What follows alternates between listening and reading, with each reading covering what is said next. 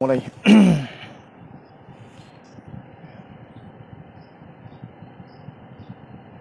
Bismillah. Assalamualaikum warahmatullahi wabarakatuh. Innal hamdalillah nahmaduhu wa nasta'inuhu wa nastaghfiruhu wa natubu ilaih wa na'udzu billahi min shururi anfusina wa min sayyiati a'malina. May yahdihillah fahuwal muhtad wa man yudlil falan tajida lahu waliyyan mursyidah أشهد أن لا إله إلا الله وحده لا شريك له وأشهد أن محمدا عبده ورسوله لا نبي بعده أما بعد. فإن أصدق الكلام كلام الله وخير الهدي هدي محمد صلى الله عليه وسلم وشر الأمور محدثاتها وكل محدثة بدعة وكل بدعة ضلالة وكل ضلالة في النار أما بعد. إخوة الكرام para abah dan para ummahat, ya para ikhwan dan para akhwat, rahimani wa rahimakumullah. Alhamdulillah di sore hari ini kita diizinkan Allah Azza wa Jalla untuk dapat uh, melanjutkan kembali kajian kita yang masih membahas kutayib atau risalah kita al-arba'un al-jiyad fi tarbiyatil aulad atau 40 hadis seputar pendidikan anak dan insya Allah Ta'ala di sore hari ini kita akan melanjutkan hadis yang ke-30 ya. Ya kita melanjutkan hadis yang ke-30. yang mana hadis ke-30 ini ia merupakan bagian dari haknya anak yang wajib ditunaikan. Dan eh, ini sebenarnya adalah mulai dari semenjak dini ya. Artinya mulai dari semenjak anak dilahirkan.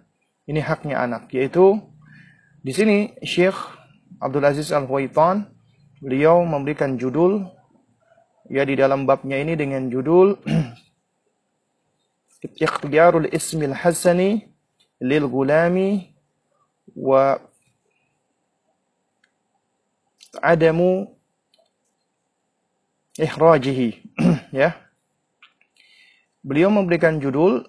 Judulnya adalah ikhtiyarul ismi al-hasani lil gulami yaitu memberikan atau memilihkan atau menyeleksi nama yang baik yang hasan lil gulami bagi anak ya wa adamu ihrajihi dan tidak sepatutnya yang membuat mereka malu atau mempermalukan mereka. Jadi ternyata di sini ada kaitan loh nama dengan membuat anak-anak menjadi malu ya. Ya, jadi di sini ada ada ada kaitannya. Ya.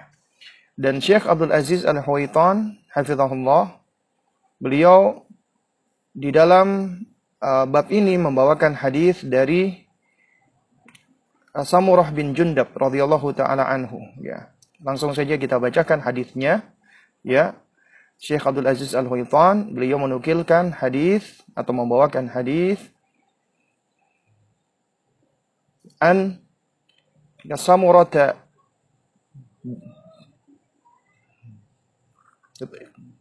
Ibni Jundabin radhiyallahu anhu qala ya dari Samurah bin Jundab semoga Allah meridhai beliau ya. Beliau berkata atau menceritakan ya qala Rasulullah sallallahu alaihi wasallam. Rasulullah sallallahu alaihi wa ala alihi wasallam bersabda la tusammi gulamaka rabahan wala yasaran wala aflah wala nafi'an ya. Janganlah kamu memberikan nama anakmu dengan nama rabah. Artinya beruntung. Dan jangan pula yasar. Artinya mudah. Dan jangan pula aflah ya artinya yang paling beruntung dan jangan pula memberikan nama dengan nama Nafi. Ya. Sebentar ya. Salma Salma. Salma. Itu Salma. Salma minta minta bantuannya ama. Tolong pintunya dia tutup lagi ama. Salma. Ya. Ya. Uh, baik ya, mohon maaf ya. Uh, ada gangguan teknis sebentar. Ya, jadi janganlah kamu memberikan nama anakmu dengan nama Narobah ya. Duh, kok di mimut lagi ya? Ya. Oke. Janganlah kamu memberikan nama anakmu dengan nama Narobah, ya artinya beruntung atau yasar, mudah, atau aflah yang paling beruntung, atau nafi yang bermanfaat. Loh, ini kan nama-nama baik kok Nabi melarangnya nanti akan kita sibak. Alasannya kenapa di sini Nabi melarang memberikan nama-nama seperti ini. Wa fi riwayatin dan di dalam riwayat yang lain dikatakan wala tusammiyanna. Nah, kalau tadi disebutkan wala eh, la tusammi, janganlah kamu memberikan nama. Di sini ya itu diberikan atau ditambah dengan huruf nun taukid ya. Fungsinya untuk lebih menekankan lagi.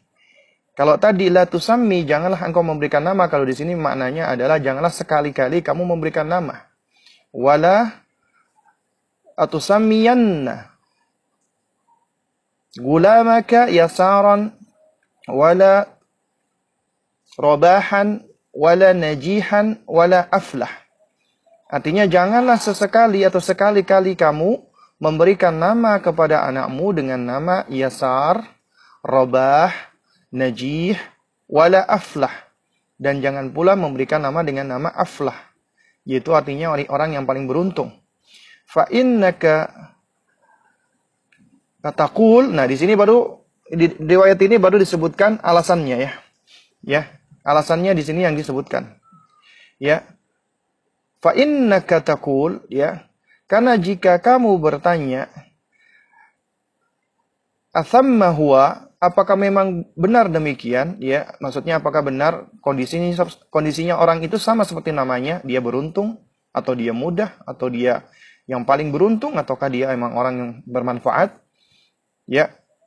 Kemudian ternyata fala yakunu kondisinya tidak seperti itu, fayaqulu maka dia akan mengatakan tidak. Ya.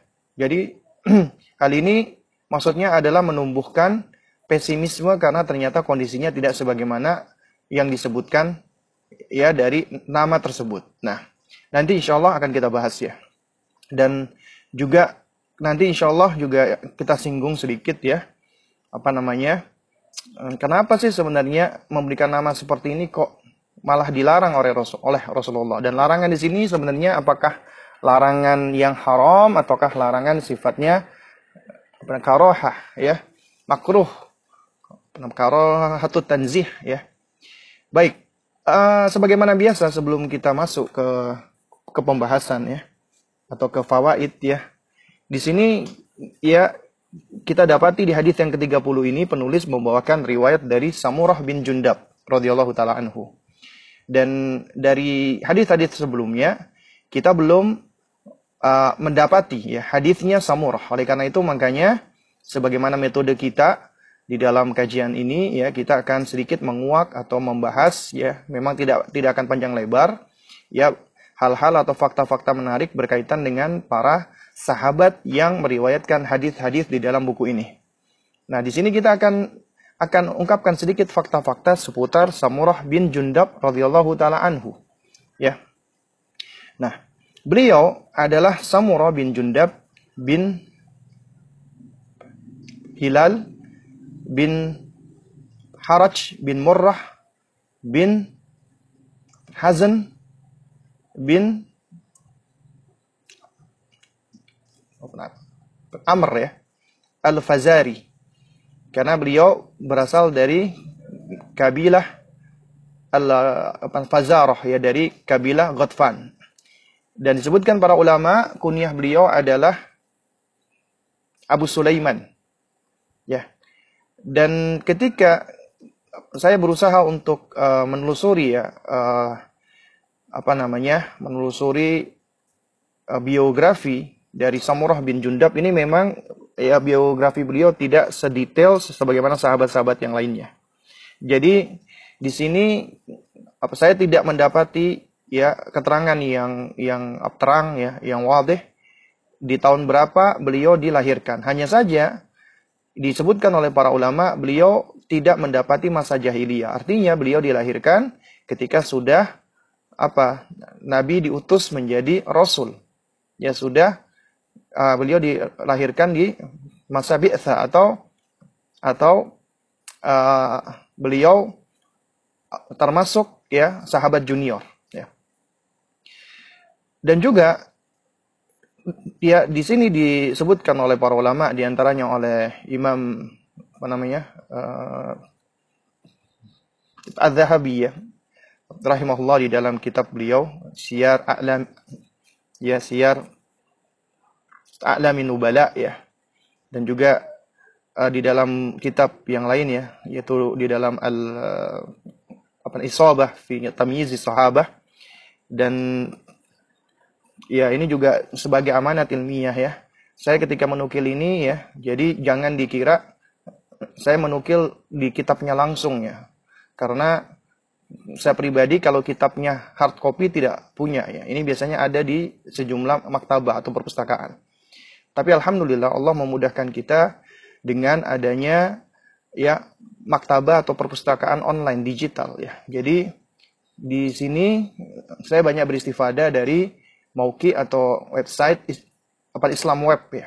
Jadi dalam Islam Web ini di di situ ada uh, perpustakaan digital yang berisi tentang uh, di antaranya buku-buku yang ber, berbicara tentang sejarah-sejarah ataupun eh maksud saya bukan sejarah biografinya para para para sahabat, para apa namanya perawi dan yang lainnya. Ya. Nah, di antaranya yang yang sering kali dibawakan di situ adalah kitab Siyaru A'lamin Nubala, ya. Itu yang banyak disebutkan berkenaan dengan uh, apa namanya dengan biografi sahabat. Nah, jadi ya Samurah bin Jundab radhiyallahu taala anhu ini beliau tumbuh di di tengah-tengah kabilah beliau, kabilah Al-Fazarah. Ini salah satu kabilah Bani apa namanya? Ghatfan ya. Nah, ketika ayah beliau meninggal dunia, kemudian ibunya menikah dengan seorang sahabat dari kalangan Ansor yang bernama Murrah bin Sinan radhiyallahu taala anhu. Ya, ini menurut uh, sejumlah apa namanya muarrikhin ya ahli sejarah, ibunya menikah dengan Murrah bin Sinan. Jadi Murrah bin Sinan adalah ayah tiri dari Samurah bin Jundab. Kemudian Samurah sendiri beliau berjumpa dengan Nabi di usia menjelang apa remaja, usia belasan tahun. Dan Samurah bin Jundab dari semenjak mudanya, beliau adalah seorang apa namanya pemuda yang sangat pemberani. Ya, sangat pemberani sekali. Nah, makanya ketika pecah perang Uhud, ketika itu usia beliau sekitar 14 atau 15 tahun ya, maka beliau ingin turut berperang di perang Uhud. Tapi ternyata Nabi tidak mengizinkan. Kemudian beliau dengar ada seorang ini apa remaja ya yang bernama apa namanya Rafi ya Rafi bin Khadij ya itu yang di tazkiyah atau di apa rekomendasikan oleh ayahnya karena Rafi bin Khadij ini adalah seorang pemuda usia 15 tahun tapi ahli apa namanya memanah. Kemampuan memanahnya itu luar biasa. Ya. Sehingga akhirnya ketika Nabi tahu bahwasanya Rafi bin Khadij meskipun usianya 15 tahun, ya, kemudian di direkomendasikan oleh ayahnya, akhirnya di apa dia terima oleh Rasulullah SAW untuk mengikuti perang Uhud ya, sebagai salah satu apa namanya pemanah. Nah, ketika Samurah tahu seperti ini, beliau sampaikan keinginannya beliau kepada ayah apa namanya tirinya, Murrah bin Sinan. Ya. Nah, kemudian Samurah bilang, ya intinya begini, ya kalau saya diadu dengan apa nama Rofi ya, saya insya Allah bisa menang, bi. Saya lebih kuat dibandingkan apa ini apa Rafi, ya Rafi bin Khadij ya. Nah, dan Murrah bin Sinan melihat ini semangat anaknya yang sangat menggelegar, akhirnya beliau sampaikan hal ini kepada Nabi SAW. Akhirnya oleh Nabi diberi kesempatan. Akhirnya di di apa tandingkan ya diadu antara Samurah dengan Rafi bin Khadij dan akhirnya Samurah pun menang sehingga Nabi mengizinkan Samurah untuk ikut turut perang di perang Uhud.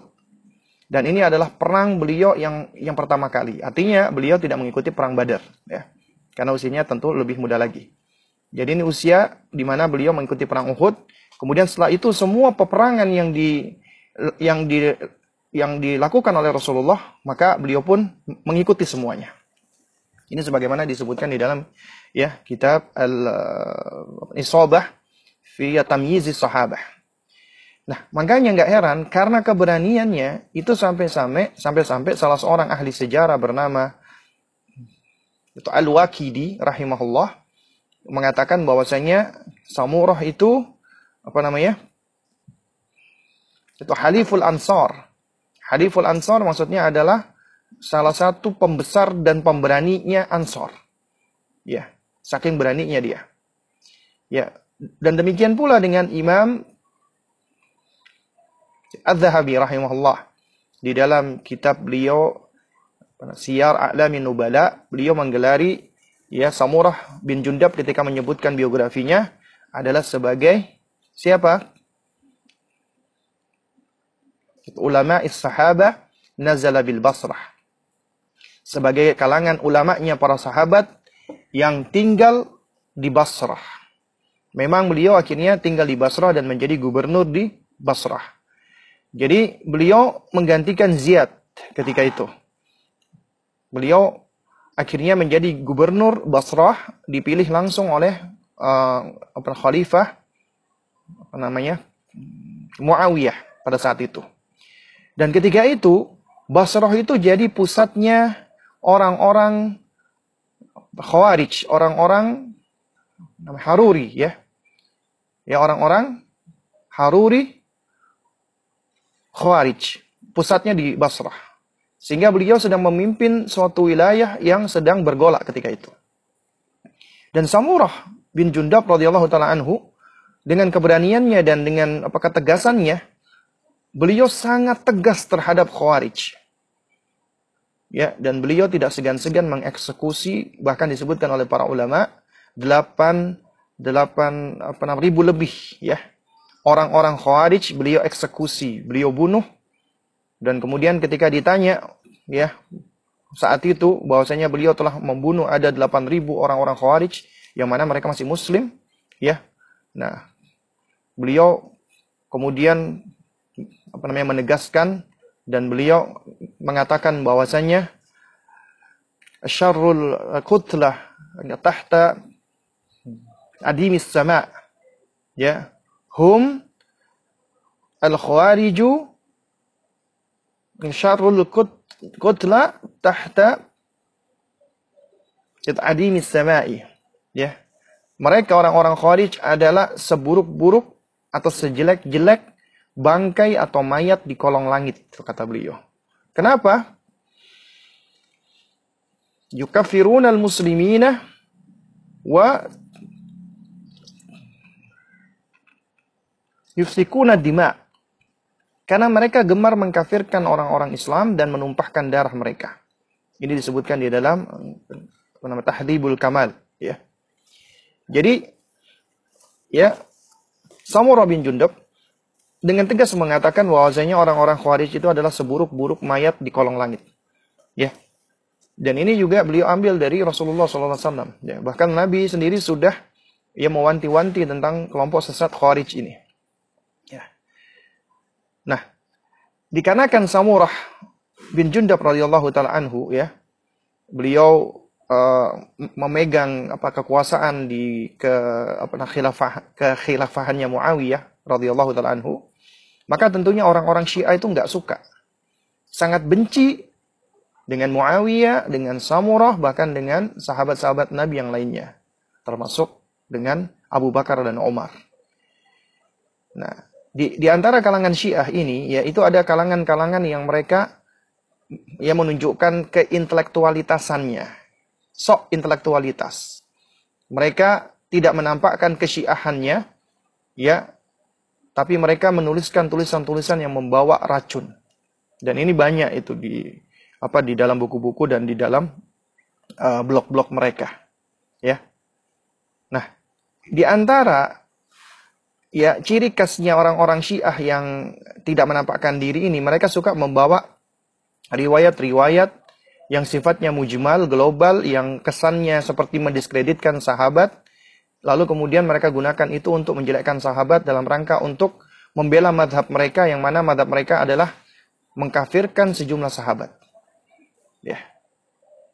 Dan oleh karena itu, Syiah dan orang-orang yang juga terpengaruh dengan Syiah, mereka mereka membuat ya sejumlah tuduhan kepada Samurah dan itu mereka pakai argumentasi loh, pakai dalih. Yang pertama, ya jadi setidaknya ada tiga tuduhan besar yang di yang diberikan kepada Samurah dan itu mereka pakai dalil, pakai hadis hadis-hadisnya orang-orang sunni atau ahlu sunnah yang berada di dalam kitab-kitabnya sunni. Yaitu ketika beliau melakukan pembunuhan terhadap ribuan kaum muslimin. Itu yang pertama, yaitu orang-orang Haruri tadi. Yang kedua, adanya riwayat di dalam ya Sahih Muslim di mana beliau menjual khamar kemudian didoakan dengan doa yang buruk atau diingkari dengan pengingkaran yang keras oleh siapa? Oleh khalifah atau Sayyiduna Umar. Ya. Ibnu Khattab radhiyallahu taala anhu. Kemudian yang ketiga adalah riwayat dari Abu Hurairah radhiyallahu taala anhu bahwasanya memang ada riwayat akan ada apa sahabat yang terakhir meninggal adalah finnar ya. Jadi ketika itu Nabi sedang bersabda uh, di tengah-tengah 10 orang sahabat yang sedang berkumpul di dalam suatu rumah. Kemudian Nabi mengatakan bahwasanya nanti di antara kalian ini yang paling terakhir mati finnar. Nah, dikatakan mereka ya ya nah itu di antara 10 orang itu ada ada ada Jundab ada apa apa namanya Samurah ya maksud saya Samurah bin, bin apa bin Jundab di tengah-tengah 10 orang tadi dan dia termasuk orang yang meninggal dunia. Ya, ini tuduhannya orang Syiah. Karena itu makanya di di sini Ya. Saya ingin sedikit menyinggung ya, kalau mungkin ada di antara kita yang pernah baca atau pernah tahu ya, kemudian menjadi syubhat, maka di sini saya akan menjawab secara ringkas saja. Yang pertama, beliau melakukan pembunuhan terhadap ribuan kaum muslimin. Ini sudah tadi saya singgung jawabannya, ya, sebagaimana di dalam apa namanya tahdibul kamal ya, ya, bahwasanya yang beliau bunuh itu sejatinya adalah orang-orang Khawarij ya. Dan beliau adalah seorang ulama. Sebagaimana tadi kata Al-Imam apa namanya uh, Ad-Dhahabi rahimahullah beliau termasuk ulama dari kalangan sahabat sehingga beliau punya ilmu bukan orang sembarangan. Ketika beliau meng mengeksekusi dan beliau ketika itu juga punya apa namanya kekuasaan. Beliau seorang waliul apa ini waliul apa amr. Ya seorang uh, penguasa. Penguasa berhak untuk untuk mengeksekusi apalagi beliau adalah penguasa yang memiliki ilmu.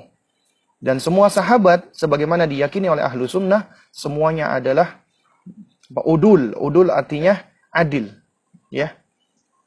Sehingga dia tidak layak untuk menuduh beliau dengan tuduhan-tuduhan yang buruk, yaitu beliau dikatakan sebagai pembunuh kaum muslimin, sebagaimana tuduhannya orang-orang syiah. Padahal orang syiah ini mereka juga adalah kelompok atau sekte yang gemar menumpahkan darah dan membunuhi kaum muslimin, dan sepanjang sejarah itu sudah menjadi saksi. Makanya di antara kelompok yang jelek setelah Khawarij adalah Syiah. Bahkan mereka lebih jelek lagi karena mereka adalah kelompok pendusta. Sebagian ulama mengeluarkan ya Syiah ini dari kelompok Islam. Ya, ketika mereka uh, sudah sampai melaknat Abu Bakar dan Umar. Ya. Kemudian bagaimana dengan riwayat beliau menjual khamr? Memang benar ada riwayat dari Imam Muslim bahwa Umar radhiyallahu taala anhu pernah mengingkari dengan keras ketika ada berita ya bahwasanya Samurah menjual khamr. Ini diriwayatkan oleh Imam Muslim memang. Ya di dalam riwayat itu disebutkan bahwasanya ya ini dari Abdullah bin Abbas radhiyallahu taala anhuma dan juga dari riwayat yang lainnya bahwasanya annahu balagha Umar anna Samura ba'a khamran. Bahwasanya telah sampai berita kepada Umar kalau Samurah itu menjual khamr. Jadi ternyata sampai berita kepada Umar kalau Samurah menjual khamr. Ini di dalam lafaz hadisnya. Di dalam lafaz uh, riwayatnya. Kemudian Umar langsung berkomentar, ya. Apa komentar Umar? Apa namanya? Enggak qatalahullahu Samurah. Semoga Allah menghukum Samurah. Ya, ini memang ucapan apa namanya? sangat uh, tegas sekali ya dari Sayyiduna Umar radhiyallahu taala anhu. Ya. Kemudian Umar berkomentar ya. Alam ya'lam anna Rasulullah sallallahu alaihi wasallam qaal Tidakkah dia tahu kalau Rasulullah itu bersabda li annal yahud ya uh, kok li anna la annal yahud hurrimat alaihim asyuhum fajamaluha faba'uha. Allah melaknat Yahudi, ya. Karena lemak diharamkan kepada mereka tapi malah mereka masih mengolah dan menjualnya. Dan ini syahid ya bahwasanya itu menunjukkan sejatinya bahwasanya yang dijual sama sama siapa sama samurah itu sebenarnya bukan bukan homer. Nah, oleh karena itu makanya apabila kita mendapatkan riwayat-riwayat seperti ini yang muskil kita harus kembali kepada ulama-ulama ahli hadis yang lebih tahu karena mereka menelaah hadis, mereka lebih tahu tentang riwayat, mereka lebih tahu tentang para apa namanya perawi. Ya, karena itu makanya di sini itu sudah dijawab penjelasannya oleh para ulama-ulama ahli hadis. Di antaranya ya, di sini saya saya bawakan ya, yaitu jawaban dari kitab yang berjudul Al-Mufhim lima ushkila min at-talkhisi sahih Muslim ya. Disebutkan di situ hadis ini mengandung tiga ihtimal, mengandung tiga kemungkinan yang dilakukan oleh Samurah. Pertama, ya, yang dimaksud beliau ba'a khamra, menjual khamr itu artinya adalah beliau mengambil upah atau kima jizyah dari ahli kitab lalu dijualnya. Ya. Dan menurut dugaannya beliau ini suatu hal yang diperbolehkan. Ini ijtihadnya beliau. Ya. Atau yang kedua, Sebenarnya beliau tidak menjual khamar, tapi beliau menjual yang namanya al asir, ya. Nah, al apa, asir ini adalah jus anggur atau saripati, bukan saripati ya, apa ya? Uh, apa namanya? Air uh, apa namanya? perahan anggur ya. Jadi anggur yang diperah. Itu namanya al asir ya. Al asir ini ya itu biasanya memang dibuat menjadi khomer, menjadi bahan baku khomer. Ya, bahkan apa kadangkala asir ini sendiri juga apa di, disebut dengan khomer, tapi sebenarnya dia belum menjadi khomer karena dia masih merupakan perahan anggur. Nah ini sebagaimana ya itu disebutkan di dalam surat Yusuf ya ketika Nabi Yusuf alaihissalam beliau sedang di penjara, kemudian ada dua orang sahabatnya yang minta untuk menakbirkan mimpi yang satu dia mengatakan apa? Ini arani aksiru khamrah. Ya. Ini arani aksiru khamrah. Sesungguhnya aku di mimpi, aku melihat diriku sedang aksiru khamrah. Memeras anggur. Anggur di sini disebut dengan khamr. Tapi maksudnya adalah anggur. Aku sedang apa namanya memeras anggur. Nah, ini berita sampai kepada Umar. Ya, Bahasanya al-asir memang kadangkala disebut dengan sebutan khomer, tapi sebenarnya bukan khomer, masih belum menjadi khomer. Ya. Nah, jadi ketika seseorang menjual anggur, ya anggurnya itu halal, tapi kalau kalau anggurnya memang dipakai atau diproses menjadi khomer, maka ya itu bisa menjadi haram. Yang haram khomernya gitu loh. Atau yang ketiga, ihtimal yang ketiga, beliau sebenarnya sedang menjadikan khomer itu sebagai cuka Ya. Jadi beliau dapati ada khomer-khomer orang-orang ahlul kitab ya daripada itu dibuang sia-sia akhirnya beliau beristihad dijadikan cuka kemudian menjual hasil cuka tersebut karena cuka halal khomer haram nah makanya Umar di sini mengatakan dengan dengan dalil ya bahwasanya diserupakan dengan Yahud karena apa namanya hurrimat alaihim asyuhum diharamkan bagi orang-orang Yahudi itu lemak, tapi ternyata orang-orang Yahudi apa namanya masih mengelola dan ba'uha dan dan menjual hasil penjualan dari lemak tadi. Ya, nah itu yang menjadi syahid di sini. Nah, nah dan bisa jadi sahabat itu kalau kita perhatikan itu bisa jadi ada sesuatu yang belum mereka ketahui dan ini bisa jadi Samurah tidak tahu ya. Sedangkan memang menurut pendapat yang rojih ya cuka yang berasal dari bahan bakar eh dari bahan bakar dari bahan utama khamr itu haram. Tapi kalau cuka yang berasal dari misalnya bikin cuka dari apel atau dari anggur, ya, jadi memang bahan bahan bakunya itu memang dari yang halal, kemudian jadi cuka itu halal meskipun dia melewati fase menjadi homer. Tapi kalau homer, homer yang memang sudah jadi homer dijadikan cuka, maka itu tidak diperbolehkan. Ya, itu menurut pendapat yang lebih roji. Nah, jadi anggapan beliau menjual khomer ya, apa seperti orang yang ahli maksiat menjual khomer ini sahabat nih menjual khomer nih. Masa? Ya ente mau ngambil riwayat dari orang yang menjual khomer ya jadi seakan-akan seperti itu. Jadi ini ini suatu tuduhan yang tidak benar ya. Ya. Dan dan yang lebih kuat lagi yang sering mereka jadikan dalih dalih ya itu syubhat ya yaitu tentang dalil riwayat dari sahabat yang mulia itu Abu Hurairah yang menceritakan anna Nabiya sallallahu alaihi wasallam qala li asyrati fi bait min ashabihi. Beliau pernah bersabda kepada 10 orang sahabatnya yang sedang berkumpul di suatu rumah. Nabi mengatakan akhirukum mautan finnar.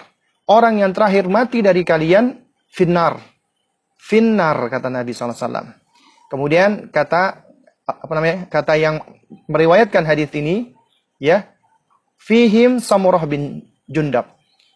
Ya, di antara 10 sahabat ini adalah Samurah bin Jundab. Kemudian yang meriwayatkan hadis ini seorang tabi'in yang bernama Abu apa itu Nabdrah ya. Ada seorang seorang tabi'i yang bernama Abu Nadrah mengatakan fakana Samurah akhiruhum mautan. Dan Samurah itu yang terakhir yang terakhir kali mati, yang terakhir kali meninggal dunia. Dan di sini Nabi mengatakan finar. Nah, ini di sini oleh para ulama dijelaskan dan dikritisi. Kita sebagai uh, muslim ya Allah Subhanahu wa taala menjaga agama kita di antaranya dijaga dari adanya kontaminasi-kontaminasi ya ataupun adanya noda-noda yang dapat mencemari kesucian agama kita. Di antaranya melalui ilmu apa riwayat ya, ilmu jarwa ta'dil ya, ilmu ilmu hadis ya. Nah, oleh karena itu di sini para ulama ketika membawakan riwayat ini di antaranya oleh Imam Az-Zahabi sendiri yang membawakan riwayat ini di dalam kitab beliau Siyar A'lamin Nubala dan beliau kritisi sendiri. Kenapa? Karena yang yang meriwayatkan hadis ini yang bernama itu Abu Nadroh. Abu Nadroh ini meskipun thiqah ya dari kalangan tabi'in, tapi dia la yasma tidak mendengar dari Abu Hurairah. Sehingga riwayatnya riwayatnya dikatakan apa gharib. Ya. Kalau tidak mau dikatakan dhaif. Dan kemudian memang ya sebagian orang Syiah itu membawakan hadis-hadis yang lain. Tapi ketika dibawakan dan dikritis apa dan di, uh, ditelaah oleh para ulama itu tidak lepas dari kritikan terhadap sanatnya. Hampir semuanya lemah dan dhaif. Ya. Oke. Okay. In fardhi apa sihatihi anggap saja hadisnya sahih, ya. Anggap saja hadisnya kita terima. Maka ini juga sudah dijelaskan oleh sebagian ulama, makna finnar artinya adalah bukan di neraka, tapi api dunia. Ya, karena disebutkan oleh para ulama di antaranya oleh Al-Hafidh Ibnul Athir ya. Beliau adalah salah seorang ulama ahli sejarah ya. Ibnu Al-Athir ya. Beliau menyebutkan bahwasanya Samurah wafat ya, yaitu antara 5, 58 atau 59 Hijriyah. Dan ketika itu Samurah sakit ya merasakan kedinginan yang luar biasa. Lalu oleh keluarganya ya didekatkan padanya sebuah tungku air panas yang mendidih. Kemudian akhirnya apa namanya jatuh atau tertumpah akhirnya di antara sebab yang menyebabkan Samurah wafat. Nah, ini di antara nubuat Rasulullah kalaupun seandainya riwayatnya sahih ya adalah ada di antara kalian yang meninggal terakhir kali dan meninggalnya itu adalah finar artinya bukan masuk ke dalam neraka. Ini pendapat yang lebih kuat. Ya. Dan Nabi SAW itu sudah menerangkan ya, sudah mewanti-wanti sebagaimana yang diriwayatkan oleh Abu Sa'id al-Khudri radhiyallahu taala anhu bahwasanya Nabi pernah bersabda dengan tegas la tasubbu ashabi janganlah kalian mencela sahabat-sahabatku ya bahkan kata Nabi falau anna ahadakum anfaqa mithla uhudin dhahaban ma balagha mudda ahadihim wala nasifahu. Seandainya ada salah seorang dari kalian menginfakkan emas sebanyak, segede, sebesar gunung Uhud, gak akan menyamai satu mut, satu genggam, ya infak salah seorang dari sahabat. Ya, dari sahabat Nabi SAW. Tidak pula setengahnya, dari setengah mut itu. Karena itu, para sahabat itu keyakinan kita ahlu sunnah mereka semua adalah odul. Ya, dan orang-orang syiah, mereka memang sengaja ya ingin membuat keraguan-raguan ya supaya apa untuk bisa untuk bisa apa namanya uh, membela ataupun membenarkan madhab mereka. Nah oleh karena itu makanya kita harus berhati-hati ya termasuk kita harus pintar-pintar menyeleksi ya. Nah, Taib. Kita apa lanjutkan lagi ya uh, berkaitan dengan hadis ini. Ya, Syekh Abdul Aziz Al Huaiton hafizahullah taala beliau melanjutkan ya di, apa di dalam keterangan hadis ini ya beliau menerangkan wal illatu fil karahati ma bayyanahu fi qawlihi. Ya, sebab dibencinya memberikan nama tadi yaitu nama apa namanya robah ya yasar aflah nafi atau najih itu adalah sabda Nabi fa innaka taqul yaitu karena jika kamu bertanya athammahu ya apa namanya uh, athammahu ya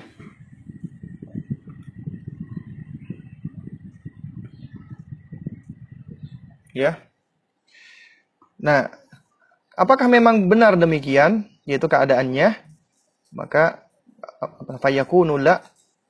Nah, padahal kenyataannya tidak, maka dia akan menjawab tidak, ya. Nah, dikatakan di sini fakuriha li basya'atil jawab. Dibencinya itu karena jawaban yang suram. Ya, ketika ditanya ketika misalnya ada orang namanya Aflah, orang yang sangat beruntung. Emangnya kamu selama ini beruntung terus? Enggak. Ada orang yang namanya apa apa narobah, terus kemudian tiba-tiba dia itu habis uh, ya misalnya habis kecelakaan atau atau semisalnya ya terus kemudian ditanya loh kamu kan namanya orang yang beruntung. Gitu. Apa kamu emangnya beruntung terus? Tidak ya. Nah jadi intinya adalah apa? Hal ini menyebabkan apa? Hal ini menyebabkan ya uh, jawaban yang di, yang diberikan adalah jawaban yang akhirnya mengandung uh, kesuraman, membuat pesimis, eh, membuat orang menjadi pesimis ya. Makanya disebutkan lagi di sini ini uh, Syekh Abdul Aziz Al Huaiton beliau sebenarnya menukilkan ucapan Imam Nawawi ya, beliau mengatakan wa apa namanya? Rubbama auqa'a ba'dhan nasi fi syai'in minat tiarah. Qalahun Nawawi. Ya. Dan bisa jadi hal ini menyebabkan sebagian orang itu melakukan tiarah. Ya, sebagaimana dikatakan oleh Imam Nawawi. Apa itu tiarah? Tiarah atau tatoyur ya, ini sebagaimana apa saya sebutkan di dalam footnote, itu adalah merasa ber, bernasib sial karena sesuatu hal. Ya. Nah, ini sebenarnya kata kata tiarah itu kan dari kata apa namanya? uh, apa namanya? Atoyur ya. Atoyur itu artinya burung ya. Jadi kalau dikatakan apa namanya? Zajarat tayrah artinya adalah menerbangkan atau melepaskan burung hingga dia berterbangan. Nah, Ibnu Qayyim rahimahullah, rahimahullah ya, beliau ketika mengatakan apa menjelaskan tentang tiarah atau tatayur bahwasanya dahulu orang-orang jahiliyah mereka suka melepaskan atau menerbangkan burung ketika mereka akan pergi safar. Jika burung itu ketika dilepaskan terbang ke kanan, mereka menamakan ini sa'ih. Tapi kalau bila burung itu terbangnya ke kiri, mereka menyebutkan barih. Kalau terbangnya lurus ke depan, mereka menyebut ini sebagai naqtih. Tapi kalau malah dilepaskan terbang ke belakang, mereka menyebutkan ini sebagai apa qaid ya. Nah, dahulu orang-orang jahiliyah kalau burung itu terbang ke kiri dianggap ya sial, membawa sial. Kalau terbang ke kanan akan mujur, akan beruntung. Ya. Makanya Nabi mengatakan apa namanya? Uh, At-tiyaratu syirkun. Tiga kali Nabi mengatakan itu. Tiarah itu syirik, tiarah syirik, tiarah syirik. Ya, wama wama minna illah. Ya, dan setiap orang pasti pernah ya terbetik atau terlintas di dalam hatinya apa namanya tentang hal ini yaitu ya kita kadang-kadang di dalam apa hati kita kadang-kadang ya ada was-was, ada semacam betikan-betikan wah nanti kalau ini kita ngelihat sesuatu jangan-jangan ini tanda sial, jangan-jangan ini tanda sial ya. Nah, cuman seorang muslim dia meyakini sebagaimana katakan Nabi walakinallaha yudhibuhu bitawakkul. Ya, hanya saja Allah yang akan menghilangkan tadi rasa-rasa was-was ataupun betikan-betikan di dalam diri tadi dengan tawakal kepada Allah. Jadi obatnya adalah bertawakal kepada Allah Subhanahu wa taala dalam hal ini, atiyarah. Baik ya, kita masuk ke faidah-faidah hadis ya. Dan mohon maaf ya agak panjang tadi kita mukadimah dan ini sebenarnya faidahnya disebutkan banyak oleh penulis ya. Eh, dan ini penjelasan tentang bab nama ya apa namanya tasammi ya itu sebenarnya uh, sudah beberapa kali ya apa saya sampaikan ya jadi mungkin di sini saya nggak akan banyak mengulang penjelasan-penjelasan ya jadi yang ingin mengetahui tentang bagaimana sih kaidah-kaidah uh, di dalam memberikan nama yang baik apa kepada anak-anak mungkin bisa merujuk pada buku uh, Tarbiyatul Aulad fi Dha'il Kitabi wa Sunnah yang sudah kami apa, terjemahkan. Yang judulnya adalah panduan mendidik anak sesuai sunnah dan juga sudah kita selesaikan kita bahas ya dengan teman-teman dari apa Radio Muslim Jogja dan juga bisa di buku-buku yang lainnya ya dan buku-buku yang berkaitan dengan ini sangat banyak sekali alhamdulillah ya jadi bisa merujuk ke sana nah cuma di sini saya akan uh, mungkin menyebutkan ya apa sebagian saja yang memang itu penting ya Taib. Yang pertama, faidah yang pertama adalah min itu hakil gulami ikhtiar al-ism al-hasan lahu. Ya. Di antara hak anak yang harus dilakukan adalah ikhtiarul ismi. Yang memilihkan nama yang al-hasani, yang baik lahu untuknya. Dan sudah kita jelaskan di beberapa waktu yang lalu ya berkenaan dengan hak-hak anak yang wajib ditunaikan oleh orang tuanya. Ya. Dan juga di situ sudah kita apa ya kita bahas ya ada sejumlah hak-hak anak yang disebutkan oleh oleh para ulama kita di antaranya para salaf dan para sahabat yaitu di antaranya adalah memberikan nama yang baik kepada anak anak kita. Dan ini banyak sekali riwayatnya ya di antaranya sebagaimana riwayat dari Abdullah Ibnu Abbas radhiyallahu taala anhu ya yang mengatakan bahwasanya itu hakul waladi alal walid an yuhsina ismahu wa an yuhsina itu ada bahu. Hak anak yang harus ditunaikan oleh seorang ayah atau orang tuanya adalah yuhsina ismahu, memberikan nama yang baik dan wa yuhsina ada bahu dan ya memperbaiki adabnya. Artinya harus mengajarkan adab yang baik. Juga diriwayatkan dari ibunda Aisyah radhiyallahu taala anha ya dan ini diriwayatkan secara marfu sampai kepada Rasulullah tapi sanatnya dhaif ya. Cuman para ulama ya itu uh, mereka menyebutkan ini ya adalah dari Ibunda Aisyah radhiyallahu taala anha yang mengatakan bahwasanya itu hakul waladi ala walidihi an yuhsina ismahu wa yuhsina maudhi'ahu wa yuhsina adabahu. Hak anak yang harus dipenuhi oleh orang tuanya adalah diberikan nama yang baik, diberikan tempat tinggal yang layak, dan juga diajarkan adab yang baik. Juga demikian dari sahabat yang mulia Abu Hurairah radhiyallahu taala anhu ya bahwasanya dikatakan hakul waladi ala walidih an yuhsina ismahu wa yuzawwija idza adraka wa yu'allimal kitab. Hak anak yang harus ditunaikan oleh ayahnya adalah memberikan nama yang baik, menikahkannya apabila dia sudah sudah cukup usianya dan mengajarkan Al-Qur'an. Demikian pula Sufyan Ats-Tsauri mengatakan hakul waladi 'alal walid an yuhsina ismahu wa an yuzawwija idza balagha wa an yuhsina adabahu. Ya, adalah hak anak yang harus ditunaikan oleh orang tuanya adalah memberikan nama yang baik, menikahkan jika sudah balik dan mengajarkan adab yang baik. Kalau kita perhatikan ternyata mereka sering kali menyebutkan nama yang baik dikaitkan dengan adab yang baik. Dan ini sebenarnya ada ada pengaruhnya loh. Ya. Karena di dalam nama yang baik itu mengandung tafaul, optimisme. Ya nanti akan kita sebutkan ya di faedah berikutnya ya. Sehingga eh, sejatinya dengan nama-nama yang baik itu, dengan adanya optimisme ini, itu dapat ya menjadikan seorang anak itu dia ya merasa optimis, merasa berharga, bernilai dirinya dan dia berusaha untuk mengikuti makna yang ada pada namanya. Ya, dan sehingga hal ini tentunya akan bisa turut mempengaruhi kejiwaannya, eh, psikis dan psikologisnya dan juga akan bisa menjadikan si anak ini lebih baik ya perangainya, karakter dan dan adabnya.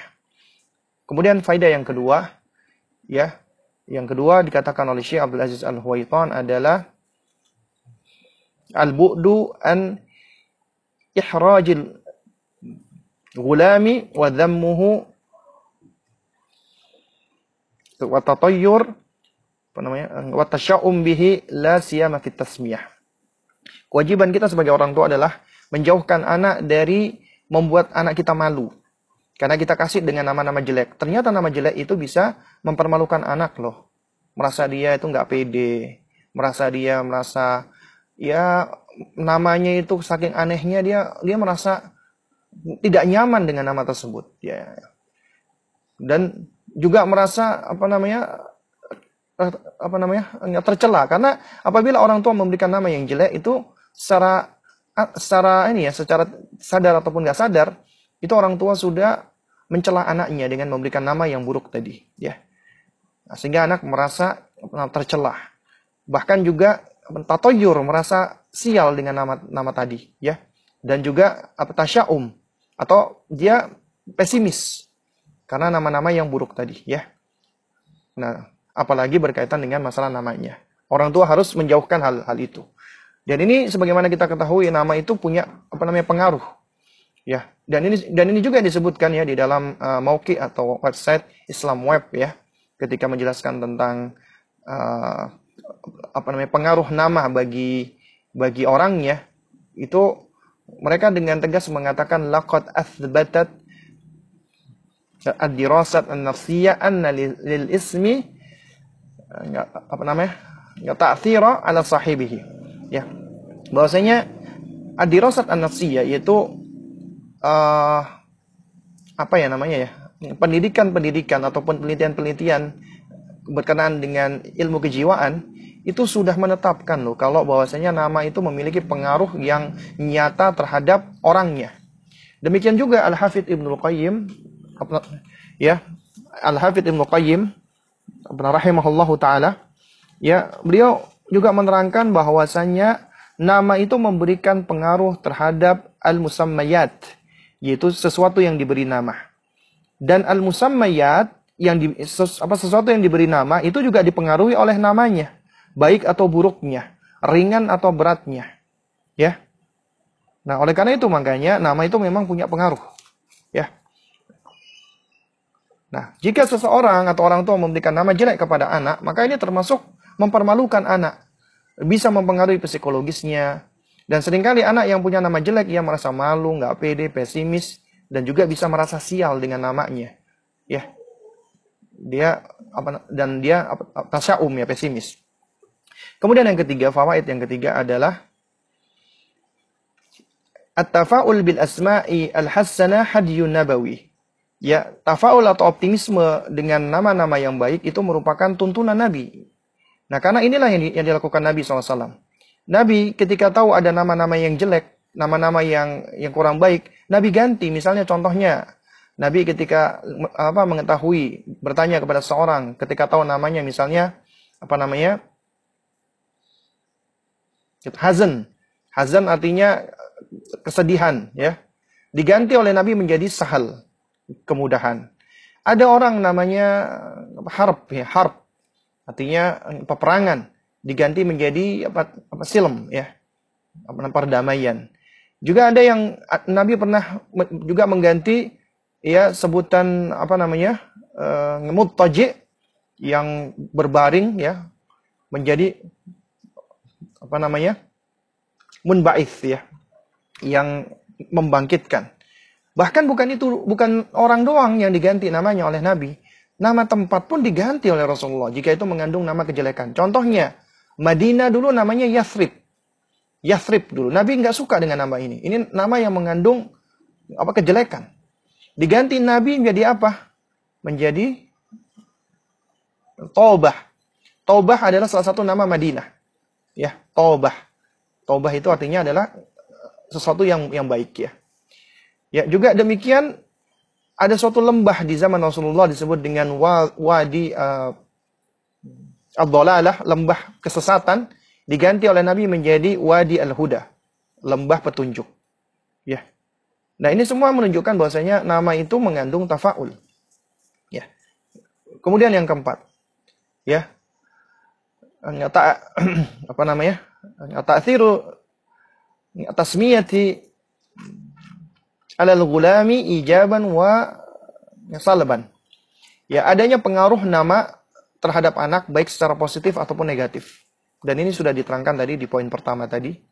Memang nama punya pengaruh ya. punya pengaruh yang besar, ya. Ya. Nah, ini kalau kita lihat ya, misalnya contohnya ya di dalam uh, kutayib atau di dalam apa namanya risalah ya. Risalah apa namanya? Risalah apa namanya tarbiyatul aulad fi dhail kitab wa sunnah ya. Itu ya Said ibnu al Musayyib beliau menceritakan dari bapaknya ya, yang bernama al Musayyib ya yaitu sahabat. Nabi pernah bertanya kepada al Musayyib ya Mas muka siapa nama anda? Apa siapa namamu? Faqala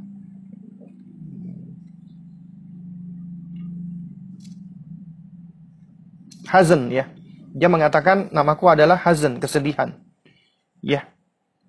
Hazan ini bisa ber, bisa bermakna kesedihan, bisa bermakna uh, sikap atau sifat yang apa keras ya. Sebagaimana dikatakan oleh Al-Hafidh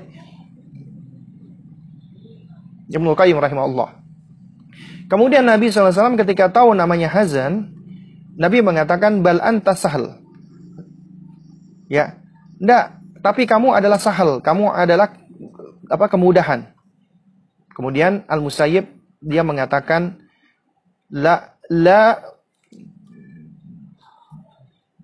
ughayyiru isman sammanihi abi.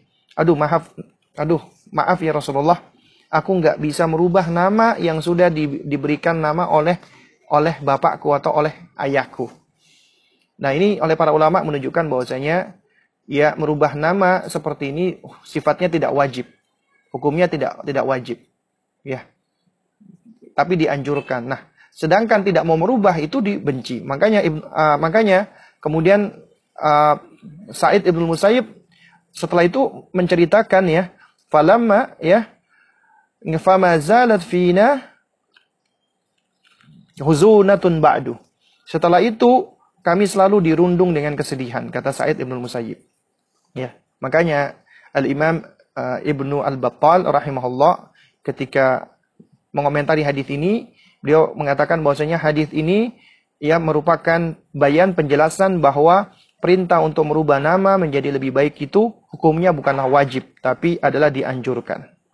Ya, tapi juga di uh, dianjurkan. Nah, cuman ya apabila itu perintah dari Nabi hendaknya kita kita amalkan. Karena apa dampaknya akhirnya kata Said Ibn Musayyib keluarga beliau akhirnya selalu dirundung kesedihan. Karena apa? Memang ada pengaruhnya. Ijaban wa apa salban ya. Ada pengaruh positif dan negatif ya. Ya.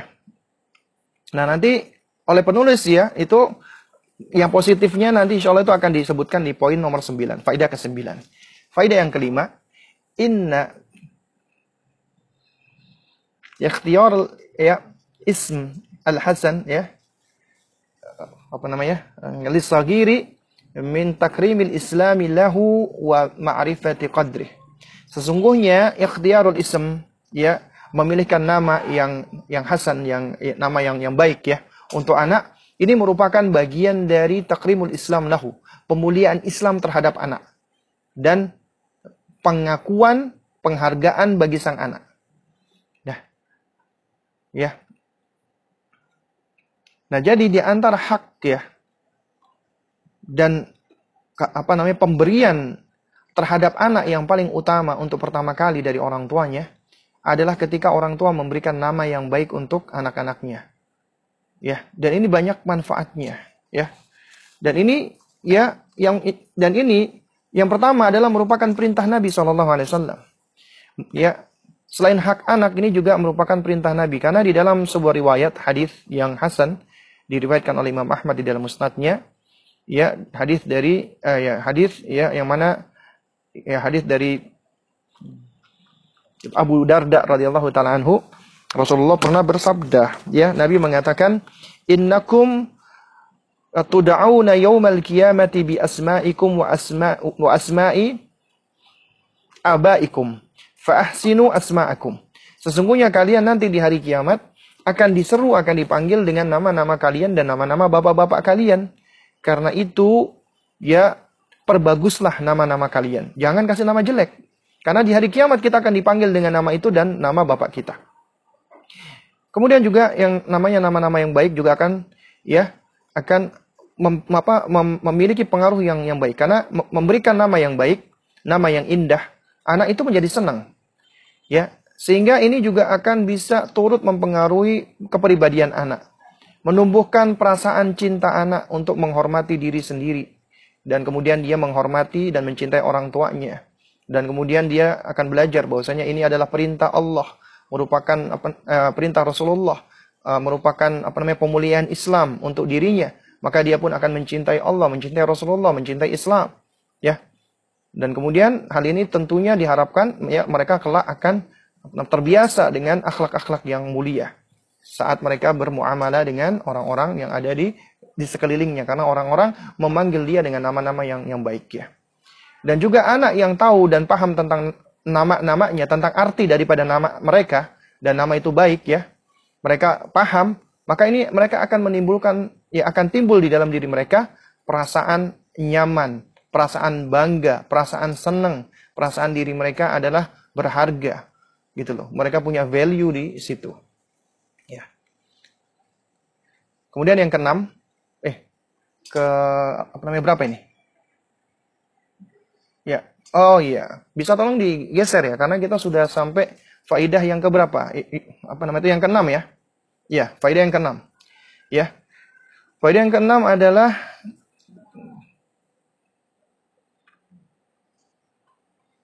ihtimamu syari hakis sagir hatta fil daqiqati kat tasmiyah. Ya ini menunjukkan perhatian asyari ya, yaitu Allah Subhanahu wa taala sang penentu syariat terhadap hak anak.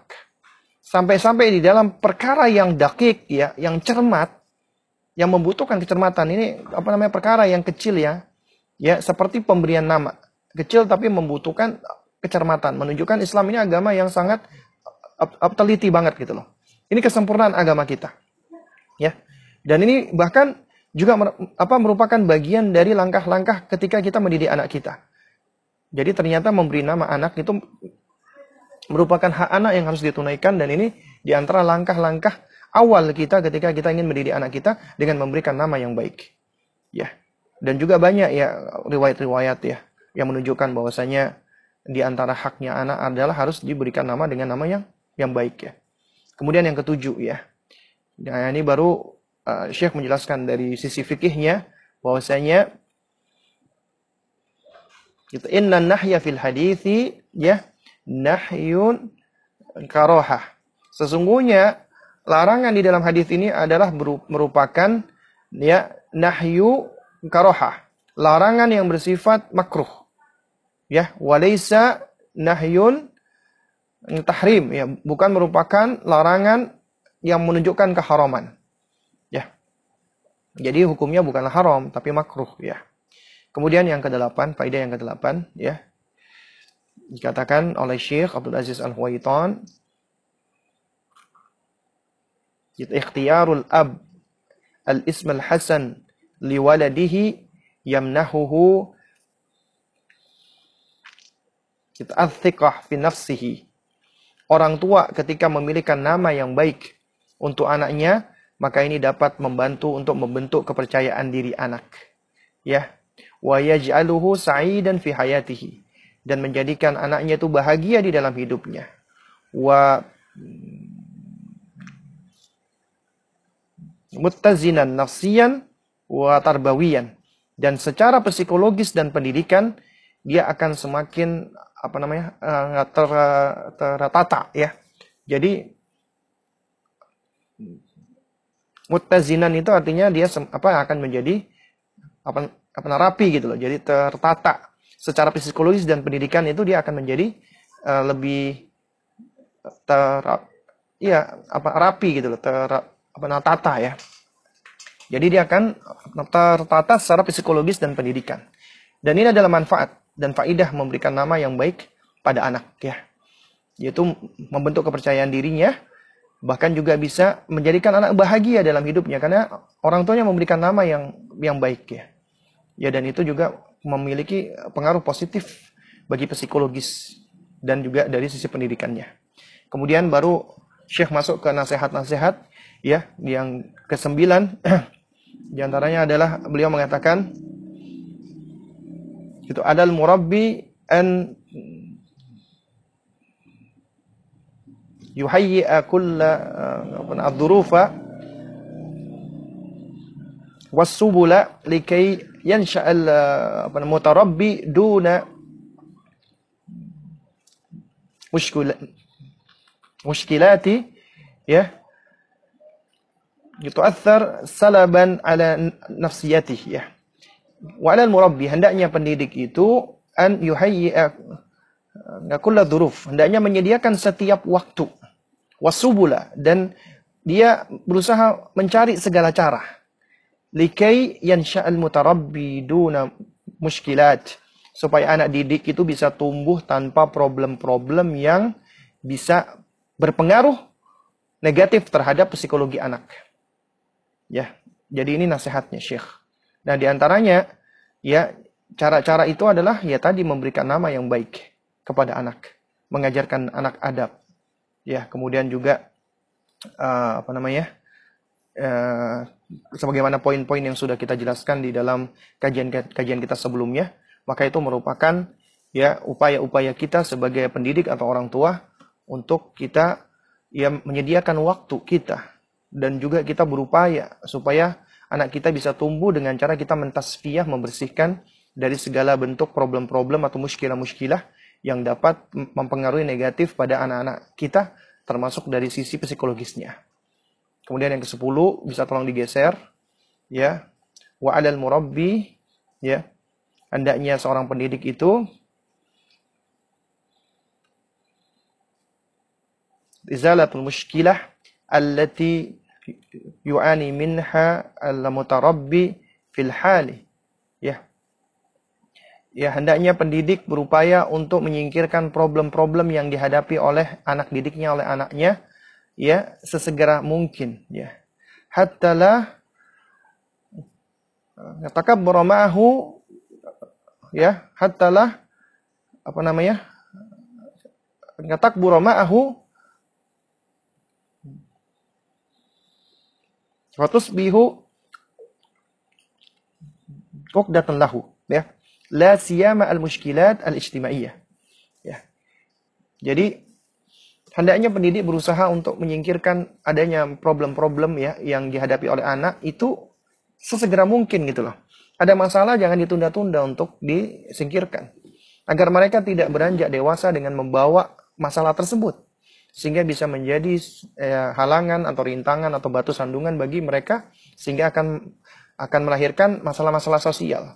Contohnya misalnya tadi dalam hal ini contoh nama misalnya. Kita tahu anak kita. Kita misalnya kita belum tahu ya. Kemudian kita akhirnya belajar. Kita ngaji. Kita kasih anak apa nama kepada anak kita dengan nama yang enggak layak ya. Contohnya kita memberi nama dengan namanya orang-orang kafir misalnya kita kasih nama kepada anak kita contohnya misalnya uh, apa tuh Michael Jordan misalnya. Eh bukan ya. Ya pokoknya apalah nama-namanya orang-orang eh, barat orang-orang kafir atau namanya orang Korea misalnya ya. Misalnya kita kasih nama Kim Jong Un misalnya. Nah anak itu ketika dia gede ya dia itu akan merasa ya ini namaku ini nama apa sih? Kok nama aneh gini? Beda sama nama-nama umumnya ya. Dan bapakku ibuku ini orang Islam, kok aku dikasih nama seperti nama ini? Akhirnya dia penasaran, kenapa? Oh ternyata orang tuanya senang dengan apa drama Korea. Akhirnya itu secara nggak sadar akan memotivasi anaknya untuk mengikuti kejelekan-kejelekan itu. Dan ketika dia tahu, oh ini tokoh siapa ini? Oh tokoh ternyata tokoh uh, Korea misalnya yang suka ini dan itu. Akhirnya dia tiba-tiba ngefans. Padahal ya nanti di hari kiamat ya Kata Nabi SAW, Almar'u ma'aman ahabba. Seseorang akan dibangkitkan bersama dengan orang yang dia cintai. Dan itu ternyata berbahaya kalau dia sampai cinta kepada orang-orang kafir tadi gitu. Ya. Dan juga misalnya nama-nama yang juga yang yang bisa membuat dia malu gitu loh. Kita kasih nama nama-nama yang jelek ya, nama-nama yang yang bisa membuat dia malu. Itu tentunya akan bisa mempengaruhi mereka secara psikologis, secara psikis, ya, secara kepribadian akhirnya akan menyebabkan ya masalah-masalah sosial. Dia enggan untuk bersosialisasi dia jadi ini hal-hal yang perlu di, diperhatikan. Karena itu makanya kalau kita tahu nama kita bahkan apalagi nama anak kita yang merupakan tanggung jawab kita maka hendaknya segera kita ganti nama tersebut. Kemudian yang ke-11 ya. Nah ini juga penting sekali. Dikatakan oleh penulis di sini ya oleh Syekh Abdul Aziz Al-Huwaiton ya. Idza kana uh, al-islamu yanha 'anil ismil qabih. Apabila Islam itu melarang dari nama-nama yang buruk yang jelek, maka famin babi ya, maka uh, apa namanya? Uh, famin babi aulah lebih utama lagi ya, nggak bolehnya atau apa namanya terlarang adalah uh, apa namanya atanabus bil alqab yaitu saling memberikan gelar-gelar dengan gelar-gelar yang jelek mem apa memberikan julukan-julukan yang mengandung ejekan. Sebagaimana firman Allah Subhanahu wa taala wala talmizu anfusakum wala atanabazu bil alqab. Ya janganlah suka mencela dirimu sendiri dan jangan suka memanggil dengan julukan-julukan atau gelaran-gelaran yang mengandung ejekan-ejekan gitu loh. Ya. Nah ini di sini ya ada suatu hal yang menarik yang disebutkan oleh Sayyidina apa namanya? Umar Ibn Khattab radhiyallahu taala anhu. Ya tentang fadilah atau keutamaan kita sudah memberikan kunyah pada anak-anak kita semenjak mereka masih kecil. Di antaranya apa kata kata Sayyidina Umar radhiyallahu taala anhu ini ya uh, apa nama termaktub juga di dalam buku Tarbiyatul Aulad fi Dhau'il Kitabi wa Sunnah ya, panduan mendidik anak ya tulisannya Syekh Abdul Salam As-Sulaiman Beliau mengatakan ya itu ajilu an apa namanya yukanniya auladakum hatta la tusra'a ilaihim al-alqab as-su' ya. Segerakan untuk memberikan kunyah kepada anak-anakmu agar supaya tidak disegerakan bagi mereka diberikan label-label atau julukan-julukan yang enggak baik atau yang jelek ya Ya. Oke, kemudian yang ke-12 ya, bisa digeser lagi. Ya, ini faidahnya banyak ini yang disebutkan oleh Syekh Abdul Aziz Al apa Huwaiton ya. Makanya kita harus eh, apa sabar di sini ya. Yang ke-12 adalah ya diharamkan atau apa namanya? Yuhramu enggak apa namanya enggak atasami bil asma'i al mukhalafa lishar'i ke Abdul Husain wa Abdul Nabi wa Abdul Ka'bah. Yaitu diharamkan, bukan lagi dimakruhkan, tapi diharamkan. Yakni memberikan nama anak-anak dengan nama-nama yang yang jelas-jelas menyelisih syariat ya. Bahkan mengandung kesyirikan ya. Yaitu memberikan nama penghambaan kepada selain Allah. Seperti Abdul Hussein, Abdul Nabi, dan Abdul Ka'bah. Ya, ini adalah nama-nama yang di apa di apa, apa haramkan yang yang haram hukumnya. Ya. Juga sama seperti nama-nama dulu ya yang yang apa nama-nama banyak dipakai oleh orang-orang jahiliyah dulu seperti kita Abdul Uzza, Abdul apa, apa Hubal ya kemudian juga Abdul Ka'bah, ya, kemudian juga apa namanya uh, gitu Abdul Amr, termasuk juga nama gitu Abdul Nabi, ya, itu juga tidak diperbolehkan, hukumnya haram, ya, hukumnya adalah haram, ya. Dan ini harus diganti, wajib untuk diganti, ya nama-nama seperti ini. Karena ini mengandung penghambaan kepada selain Allah. Terus kemudian juga ya yang perlu yang perlu saya sampaikan ya. Di sini saya nukilkan dari Mukhtasar Fatul Wadud ya bi apa namanya Ahkamil Maulud karya Ibnul Qayyim rahimahullah ya. Ya ini saya jelaskan ringkas saja. Di antara nama-nama lain yang diharamkan adalah memberikan nama semacam Malikul Muluk, ma ya Malikul Muluk. Artinya adalah sang apa raja di raja, ya.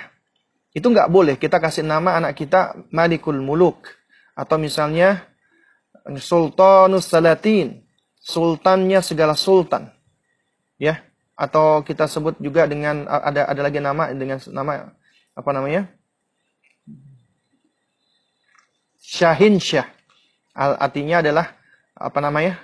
Raja di di ya raja, ya. Ya. Dan bahkan di dalam uh, hadis riwayat Imam Bukhari dan Muslim ya, itu Nabi SAW dengan tegas mengatakan, Inna akhna'a ismin indallahi rajulun tusamma malikal amlak. Sesungguhnya manusia yang paling jelek, paling buruk, paling hina di sisi Allah adalah orang yang diberikan nama dengan malikul amlak. Adalah rajanya di raja. Ya. Jadi nggak boleh kita kasih nama seperti ini. Juga termasuk sesuatu hal yang dilarang kita memberikan nama anak-anak kita dengan nama-nama yang mengandung makna yang yang apa ya, yang sangat berlebihan sekali ya. Ya misalnya contohnya itu gelarnya Rasulullah misalnya. Contohnya kita kasih nama anak kita dengan sebutan apa namanya? Uh, Sayyidun Nas misalnya. Ya, penghulunya semua manusia. Enggak boleh. Atau apa namanya? Enggak sayyidul khalqi.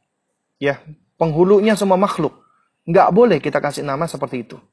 Atau kita kasih nama misalnya sayyidu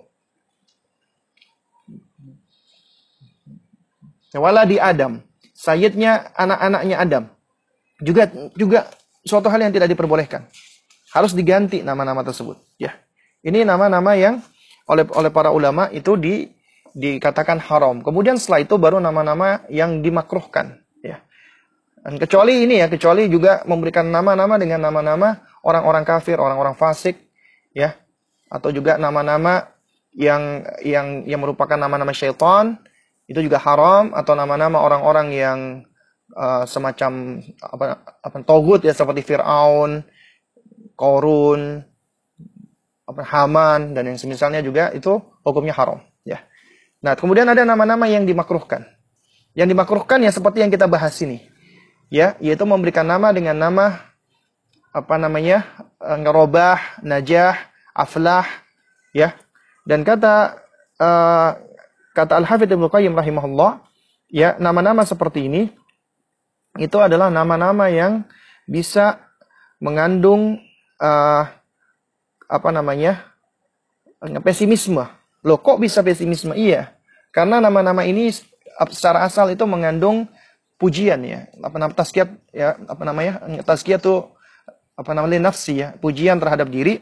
Sedangkan kita tahu nggak ada manusia yang dia benar-benar akan selalu beruntung. Makanya ketika ditanya, eh, kata Nabi tadi, ya, apakah benar kondisinya demikian? Kalau enggak, ya berarti itu tiba-tiba akan menyebabkan dirinya, oh iya itu aku kok nggak beruntung ya, kok namaku beruntung ya. Jadi ini nama yang dibenci. Jadi tidak sampai haram ya hukumnya, ya. Hukumnya tidak tidak sampai haram. Ya, oke. Okay. Kemudian poin yang ke-13 ya, faedah yang ke-13 ya. Uh, disebutkan oleh oleh oleh penulis di sini ya. Ini juga sebagai tambahan ya, faedah dari Ibnu Qayyim ya. Yulhaq bil asma'i al-warida fil hadithi maqalahu Ibnu Qayyim ya jadi sebagai tambahan atas nama-nama yang disebutkan di dalam hadis tadi ya yang nama-nama yang dibenci adalah apa yang disebutkan oleh Al-Hafidz Ibnu Qayyim rahimahullah ya bahwasanya Wa fi hadha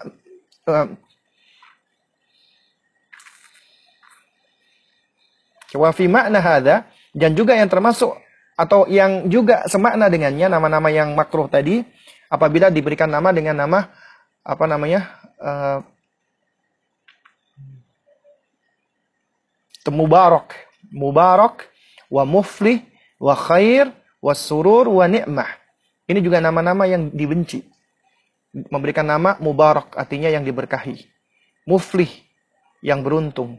Khair yang yang apa yang baik ya. Surur apa kegembiraan, nikmah kenikmatan, wa ma asbah dzalika atau yang semisalnya. Tapi memang para ulama berbeda pendapat ya, khilaf. Sebagian ulama itu menjelaskan nama-nama yang disebutkan oleh Nabi tadi, yaitu empat tadi ya, yang yang disebutkan dalam hadis ini, yaitu bernama apa uh, anak apa larangan memberikan nama apa nama robah, najah, aflah ya sama apa namanya yasar ya. Ini memang khusus keempat nama ini saja. Ya. Jadi cuman khusus ini ini saja. Ya.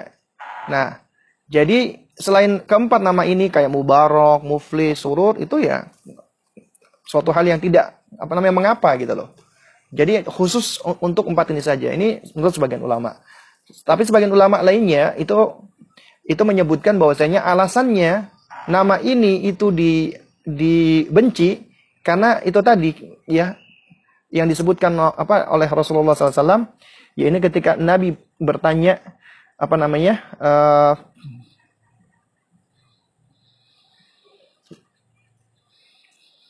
Asamma huwa ya jadi maksudnya itu apakah orang itu sama seperti namanya? Ketika dijawab tidak, pada yakunu, maka dia akan mengatakan tidak innama hunna arbaun la tazidunna alayya.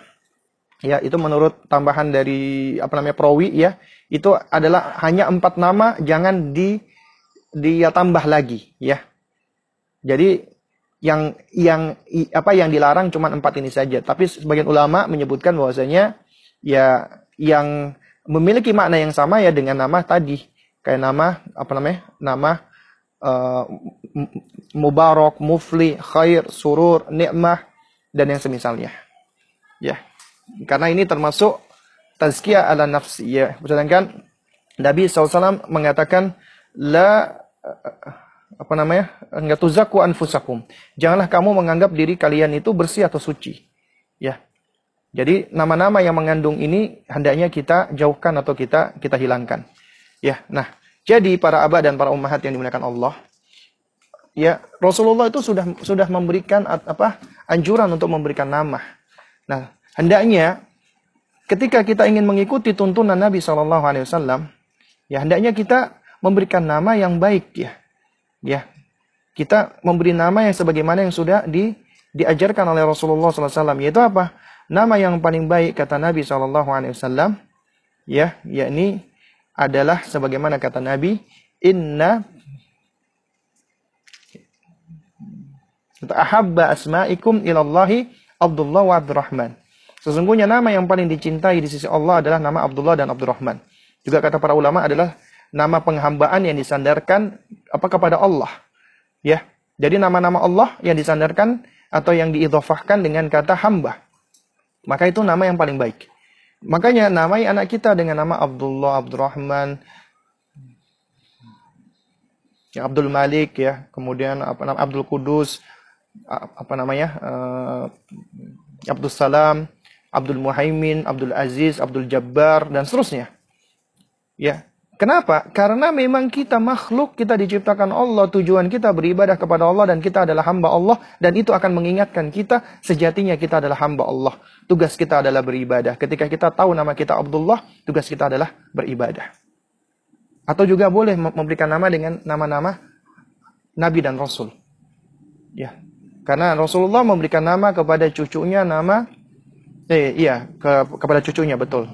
Ya, putranya yang meninggal dan uh, Rasulullah afwan memberikan nama kepada putranya yang yang akhirnya meninggal dunia dengan nama nama bapaknya. Siapa itu?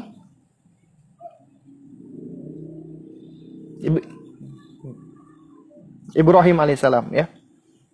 Nah oleh karena itu makanya kita boleh kasih nama anak-anak kita dengan nama Ibrahim, Musa, Isa, ya, Ilyas, Hud, Nuh, dan seterusnya. Karena ketika mereka tahu namanya nama seperti Nabi, maka dia akan mencintai ya sosok yang dijadikan sebagai namanya tersebut. Dia ingin berusaha mencontoh dan menirunya.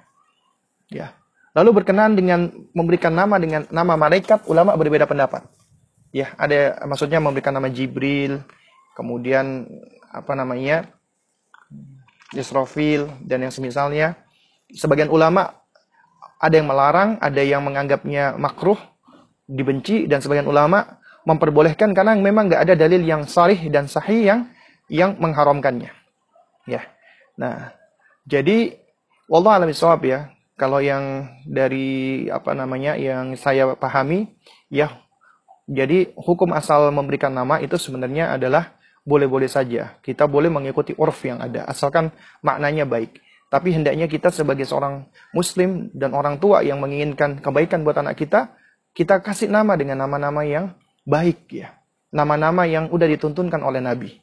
Ya. Terus kemudian kalau nama-nama anak kita itu mengandung keburukan dan kejelekan, hendaknya kita ganti. Ya, ini di antara tuntunan-tuntunan yang yang berkaitan dengan masalah nama. Wallah alam ya. Mungkin ini yang dapat saya sampaikan ya. Mungkin ada sedikit waktu sebelum kita akhiri. Ya, mungkin kita bisa bersoal jawab sedikit. Dan meskipun tidak semua pertanyaan bisa saya jawab ya.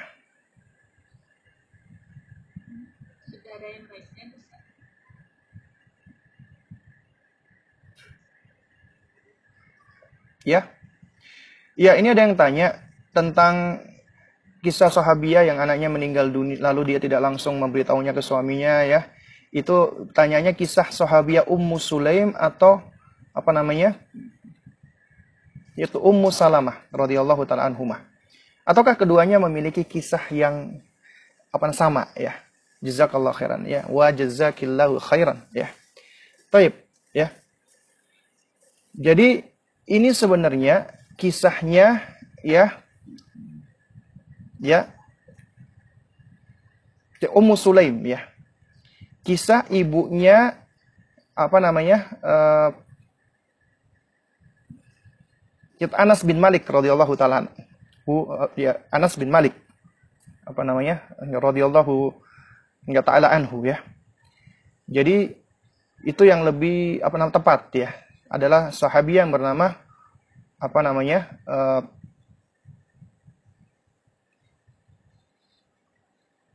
Ummu Sulaim.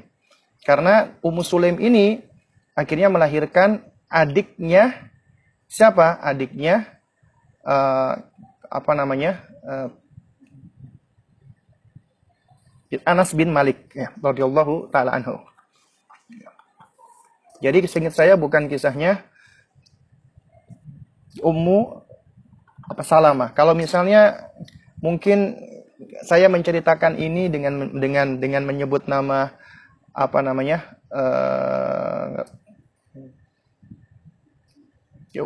Ummu Salamah berarti mungkin apa nah saya lupa atau saya apa keliru berarti ya jadi apa namanya uh, apa ya istilahnya dalam memori ya atau dal dalam ingatan mungkin lagi itu lagi ada apa apa apa namanya nggak tabrakan atau clash mungkin ya nah cuman yang lebih tepat adalah kisahnya Ummu Sulaim ya radhiyallahu taala anha.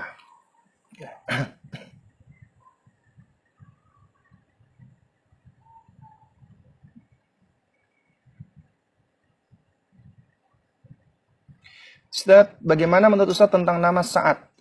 Uh, terbesit di dalam di benak saya nama Sa'ad dapat di, di, diplesetkan menjadi Sat Sat Waduh ini apa saya baca juga saya nggak apa tega ini. Jika ada kekhawatiran seperti ini, apakah sebaiknya saya urungkan niat memberikan nama saat untuk anak saya, Ustaz? Ya nggak usah diurungkan. Nama saat adalah nama yang baik ya. Itu juga namanya sahabat Nabi ya radhiyallahu taala anhu. Ya. Jadi kita nggak usah apa khawatir dengan adanya orang yang suka mempleset-plesetkan nama. Ya bahkan nama-nama yang baik pun juga banyak yang dipleset-plesetkan. Ya, bahkan namanya Nabi kita pun juga di, bisa di apa namanya plesetkan orang, tapi bukan artinya dengan adanya orang-orang yang suka mempleset-plesetkan nama, akhirnya kita menghindar untuk memberikan nama-nama yang baik tadi.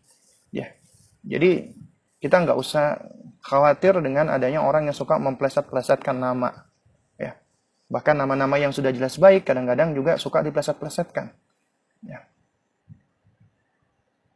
Ini sudah ada yang Oh baik baik ya boleh boleh silakan yang yang yang raise hand. Bismillah. Assalamualaikum Ustaz. Waalaikumsalam warahmatullahi wabarakatuh. Mau nanya Ustaz, eh, ada kan tadi saya bilang nama yang bagus itu Abdul Rahman, nama yang Allah cintai. Nah, mm -hmm. beberapa orang masih temui namanya Abdul Rahman, tetapi pada Allah rasanya uh, sifatnya kelakuannya itu tidak mencerminkan bahwasanya nama dia adalah nama yang Allah cintai saya ber memutar balik gitu dengan sikap dia dengan kelakuan dia misalnya Abdul Rahman yang satu pernah masih terkenal itu kan mm-hmm. itu dia seorang pembohong yang mm-hmm. lagi ada seorang yang dia uh, acuh tak acuh dengan keluarganya Ustaz. Iya. Jazakallah khair Ustaz. Tayyib wa jazakillah khairan ya. Jadi memang ya nama itu bisa mempengaruhi uh, ya bisa memberikan pengaruh ya untuk sang anak positif dan negatif. Nama baik bisa memberikan pengaruh positif, nama jelek bisa memberikan pengaruh yang juga jelek, yang negatif. Dan ini adalah salah satu bagian dari ikhtiar. Dan ini salah satu bagian dari sebab supaya kita bisa memperoleh anak-anak yang soleh, anak-anak yang baik. Tapi yang namanya sebab ini bukanlah suatu hal yang mutlak. Artinya begini loh. Artinya kalau kita kasih nama anak kita namanya Abdullah itu berarti jaminan anak kita pasti soleh. Ya nggak mesti juga. Ya tetap hidayah di tangan Allah. Itu bagian dari upaya kita. Artinya kita sudah menunaikan haknya mereka. Kita kasih nama yang baik dan yang benar, yang bagus. ya Dan bahkan itu nama yang dicintai Allah.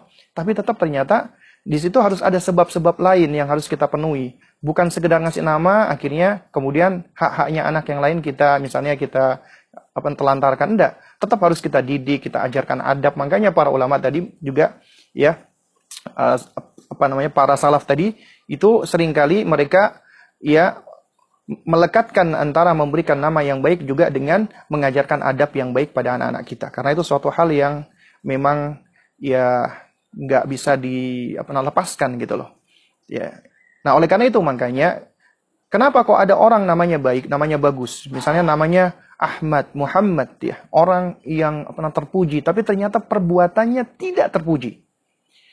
Ya. Nah, jawabannya adalah yang pertama ya pastinya hidayah Allah Subhanahu wa taala. Ya, Allah yang berkehendak untuk menentukan seseorang baik dan buruknya. Ya. Kemudian yang apa kedua ya, bisa jadi karena memang ada kesalahan pola asuh. Sebab ya ini sebab. Sebab di dalam kesalahan pola asuh orang tuanya ngasih nama baik tapi nggak pernah dididik dengan kebaikan. Banyak loh orang-orang awam suka judi, suka bermaksiat, minum khamr tapi namanya Abdul Malik, Abdul Rahman, Abdul Kudus dan yang semisalnya tapi ternyata memang dia tinggal di lingkungan yang yang jelek, yang buruk, nggak ngerti agama gitu loh. Dan ini juga menjadi sebab-sebab dia akhirnya tumbuh menjadi orang yang tidak baik pula gitu loh. Meskipun namanya baik. Namanya baik, ini berarti ya insya Allah salah satu tanda kebaikan. Tapi apabila tidak diikuti dengan kebaikan-kebaikan yang lainnya, dengan uh, apa namanya tuntutan-tuntutan untuk ya kita mendidik anak kita dengan sebenarnya, maka ya tentunya sebab-sebab ini bisa menyebabkan anak kita menjadi menjadi jauh dari dari namanya tadi gitu loh. Kemudian yang ketiga ini juga menunjukkan bahwasanya apa? Inilah bedanya nama-nama yang disandang oleh makhluk dengan nama-nama yang disandang oleh Allah. Allah memiliki al-asmaul husna, nama-nama yang indah. Namanya Allah itu pasti mengandung sifat-sifat Allah. Ya, nama-nama Allah pasti mengandung sifat-sifat Allah. Contohnya, Allah ya memiliki nama Al-Malik. Ya. Ya, artinya Allah itu adalah dari namanya itu juga mengandung sifat Allah memiliki apa kerajaan. Allah memiliki apa kekuasaan.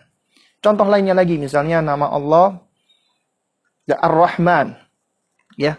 Artinya Allah sifat memiliki sifat ya yang memiliki sifat kasih sayang. Apa namanya? Uh, apa nama rahmah. Allah misalnya namanya lagi contohnya al apa alim ya Artinya Allah pasti memiliki sifat berilmu dan ilmu Allah sempurna. Nah beda sama makhluk. Ada orang dikasih nama misalnya apa nama alim misalnya alim. Ya, jadi ada ada sejumlah asmaul husna nama-nama Allah itu boleh disandang manusia tanpa tanpa perlu diidofahkan dengan kata apa namanya kata hamba atau abdun ya. Cuman ada nama-nama yang memang khusus untuk Allah. Harus di harus disertakan atau diidofahkan atau di diikatkan atau di apa sertai dengan kata hamba ataupun apa ini apa abdun. Contohnya Allah harus Abdullah. Kemudian contoh lagi contoh lagi adalah apa namanya? Ar-Rahman. Itu khusus untuk Allah. Jadi kita harus pakai kata harus diikut harus di apa dilengketkan dengan kata hamba harus apa harus dikasih nama Abdurrahman. Tidak boleh cuman apa Rahman saja. Tapi kalau apa Rahim boleh. Makhluk boleh. Ya. Makhluk itu apa namanya ber karena ini karena ini ada nama-nama yang khusus untuk Allah, sifat untuk Allah, tapi ada pula yang bisa disandang oleh makhluknya. Ya. Nah, di, di antaranya apa namanya? Uh, ya, alim, alim itu boleh karena ada manusia yang memang alim. Tapi alimnya manusia itu apa ter, terbatas gitu loh. Sedangkan sifat alimnya Allah itu sempurna. Karena sifat Allahnya sifat alimnya Allah itu tidak diawali dengan uh, kebodohan. Kita bodoh dulu, nggak tahu dulu, belajar akhirnya kita tahu. Allah enggak. Allah itu dari semenjak zaman uh, dari semenjak apa namanya Allah bersifat apa namanya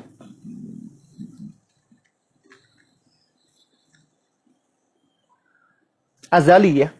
Ya Allah bersifat azali minal awal ilal akhir ya dari awal sampai akhir Allah Subhanahu wa taala itu selalu memiliki ilmu.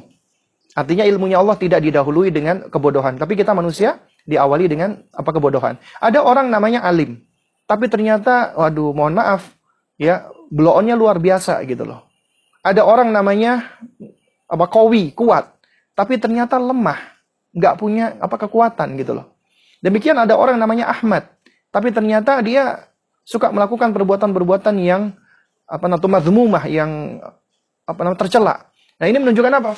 Menunjukkan inilah kelemahannya makhluk karena makhluk itu sering kali ya namanya tidak sesuai dengan sifatnya. Ya. Nama tidak menunjukkan sifatnya. Betapa banyak orang dikasih nama Kowi ternyata ternyata dia doif lemah ada orang dikasih nama misalnya uh, ya tadi Ahmad tapi ternyata dia suka berbuat buruk ya. Ada orang dikasih nama misalnya ya intinya nama-nama yang baik tapi ternyata orangnya tidak baik ya. Ini menunjukkan memang inilah manusia karena ternyata nama itu tidak serta merta menunjukkan sifat. Tapi di situ mengandung harapan mengandung ya mengandung uh, apa tafaul ya uh, mengandung sifat-sifat atau sikap-sikap optimis artinya kita berharap anak kita dengan nama ini ya dia bisa bisa memiliki kebaikan-kebaikan yang terkandung di dalam namanya.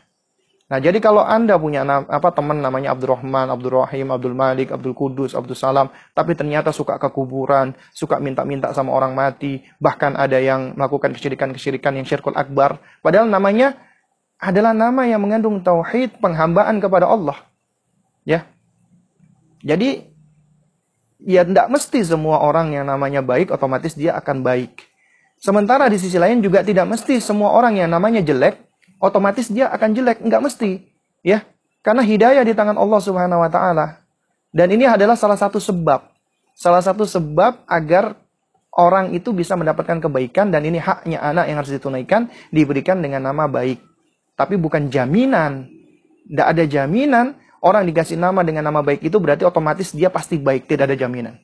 Kalau kalau kalau misalnya memang ada jaminan, maka tentu kita kasih nama orang, kita kasih nama anak kita dengan nama yang baik, kemudian dia akan dijamin baik, maka kita nggak perlu bersusah payah dong untuk mendidik anak-anak kita. Cukup dikasih nama baik doang, insya Allah dia akan akan baik. Ya, Padahal tidak seperti itu. Masih banyak tahapan-tahapan. Ini artinya di antara salah satu langkah-langkah mendidik anak, ya di antara puluhan bahkan apa ratusan langkah-langkah berikutnya yang mana harus kita lalui, harus kita ikuti. Karena kita sedang mendidik, mendidik itu ada langkah-langkahnya. Ini salah satu dari langkah tersebut. Ya wallah alam ya.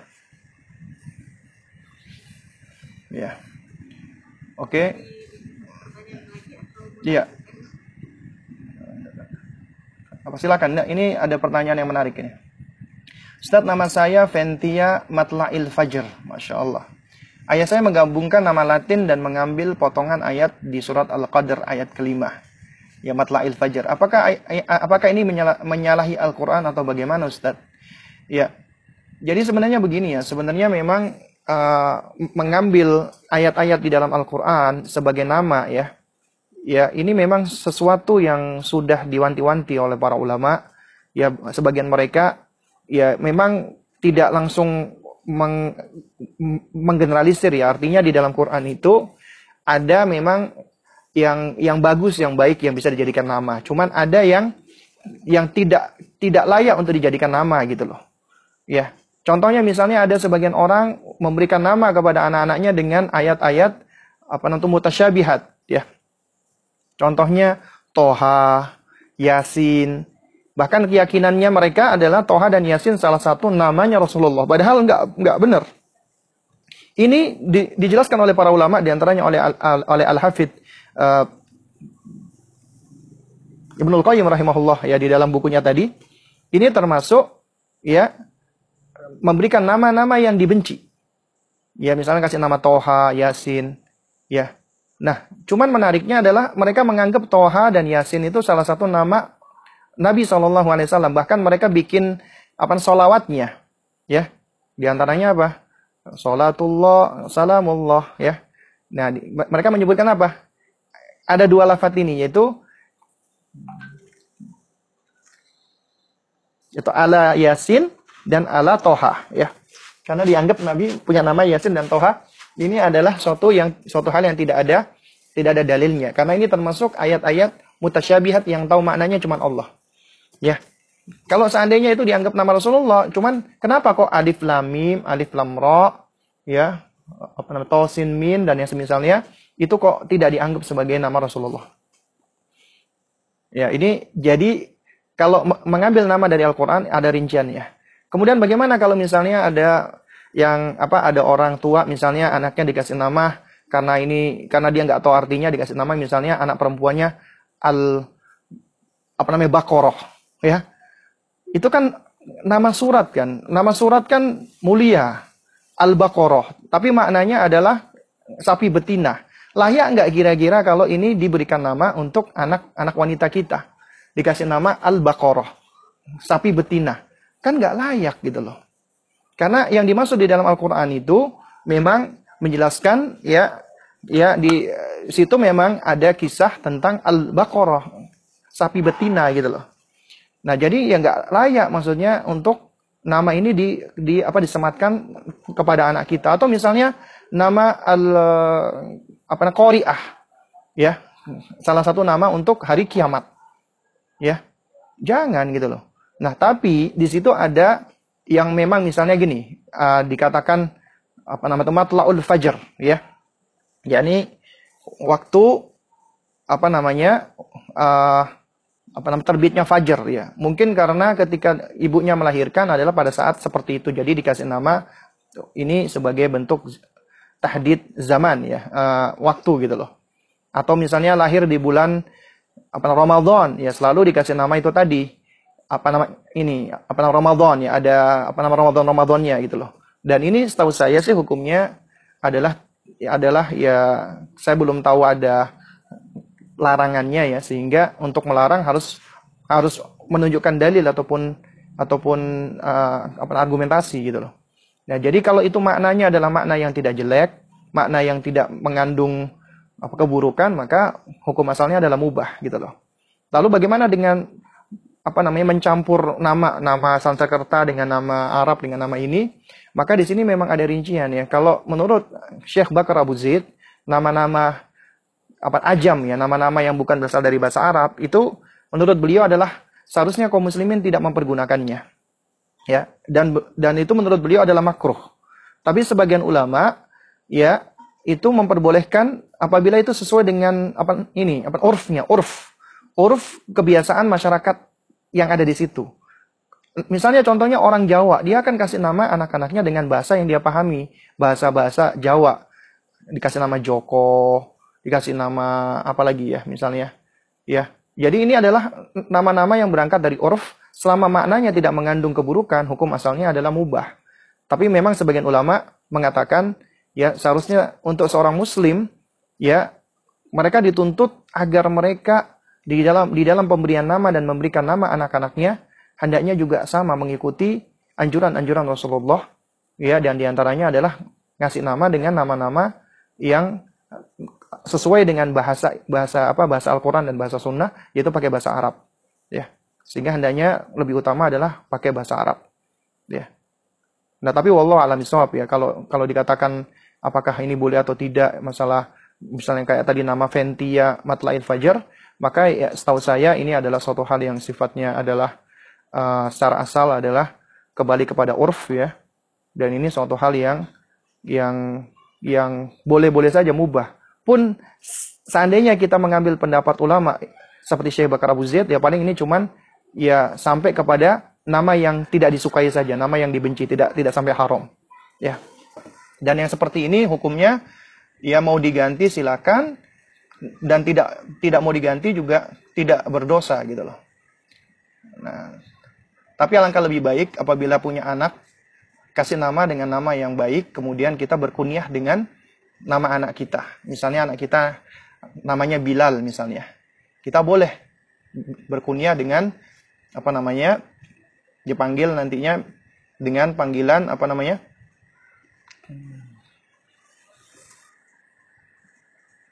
Ummu Ummu Bilal misalnya seperti itu.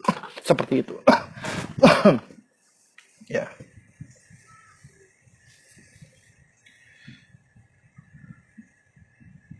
Ustaz, sahabat Bilal bin apa apa Robah. Robahnya apa artinya sama dengan hadis di atas atau atau beda Ustaz? Ya. Ya Allah alam bisawab ya. Kalau lihat dari dari dari ini ya, dari uh, dari namanya ya, dari tulisannya ya itu memang sama. Tapi apakah maknanya yang dimaksud sama? Wallah alam ya. Karena Bilal ini aslinya beliau bukan ini, bukan bukan apa namanya bukan berasal dari apa Arab ya. Beliau berasal dari negeri apa ini apa Habasyah ya dari apa Afrika ya. Tentunya bahasa orang Afrika beda ya. Cuman apakah ini yang dimaksud sama atau tidak wallah alam soal nah cuman yang perlu yang perlu saya pahami ya eh yang perlu saya jelaskan di sini ya dan perlu saya pahamkan juga ya bahwa harus dibedakan antara bab ikhbar kita ngasih tahu dengan bab apa tasami kita ngasih nama. Contohnya begini. Rasulullah Shallallahu alaihi wasallam Nabi itu ya disebutkan dan beliau menyebutkan sendiri ya ana Muhammad bin Abdullah. Abdullah itu nama yang baik yang benar. Bin Abdul apa namanya? Eh, Mutallib ya. Abdul Mutallib ini juga nama yang enggak maksudnya nama yang tidak benar ya. Dan seharusnya memang harus diganti. Tapi Nabi tetap menyebut nama kakeknya Abdul apa namanya Mutallib ya. Dan kita pun juga sama di dalam buku-buku apa sejarah juga sama. Karena ini babnya adalah bab kita memberitahu, bab memberi informasi. Memang nama beliau, nama kakek beliau adalah nama ini, Abdul apa namanya Muthalib ya. Ya, jadi nama beliau adalah nama Abdul Muthalib bukan artinya boleh dong berarti kasih nama Abdul Muthalib ya, ya ya enggak gitu. Karena ini babnya bab bab bab apa namanya bab ikhbar, bab uh, istilahnya cuman memberikan informasi. Juga sama tadi ya di dalam uh, kita kalau lihat biografinya sahabat ya, kayak tadi ya, sahabat uh, Samurah bin Jundab ini, ya. Ini kalau kita lihat ya namanya beliau ya, itu nama-nama kakek beliau itu juga juga juga memiliki nama-nama yang dibenci gitu loh. Ini sudah maghrib ya. Ya, itu juga dan juga banyak sahabat-sahabat lainnya juga ya. Ini kita lihat nih, Samurah bin Jundab bin Hilal bin Harj bin apa namanya bin Murrah. Murrah ini nama yang yang dibenci dan Nabi itu mengganti sejumlah sahabat yang namanya Murrah. Kemudian juga bin apa Hazan ya. Itu juga diganti. Nah, ini kan cuman bab ikhbar, cuman ngasih tahu doang gitu loh. Kayak sama misalnya saya punya bapak, bapak saya misalnya apa namanya nama-nama yang jelek ya. Ya.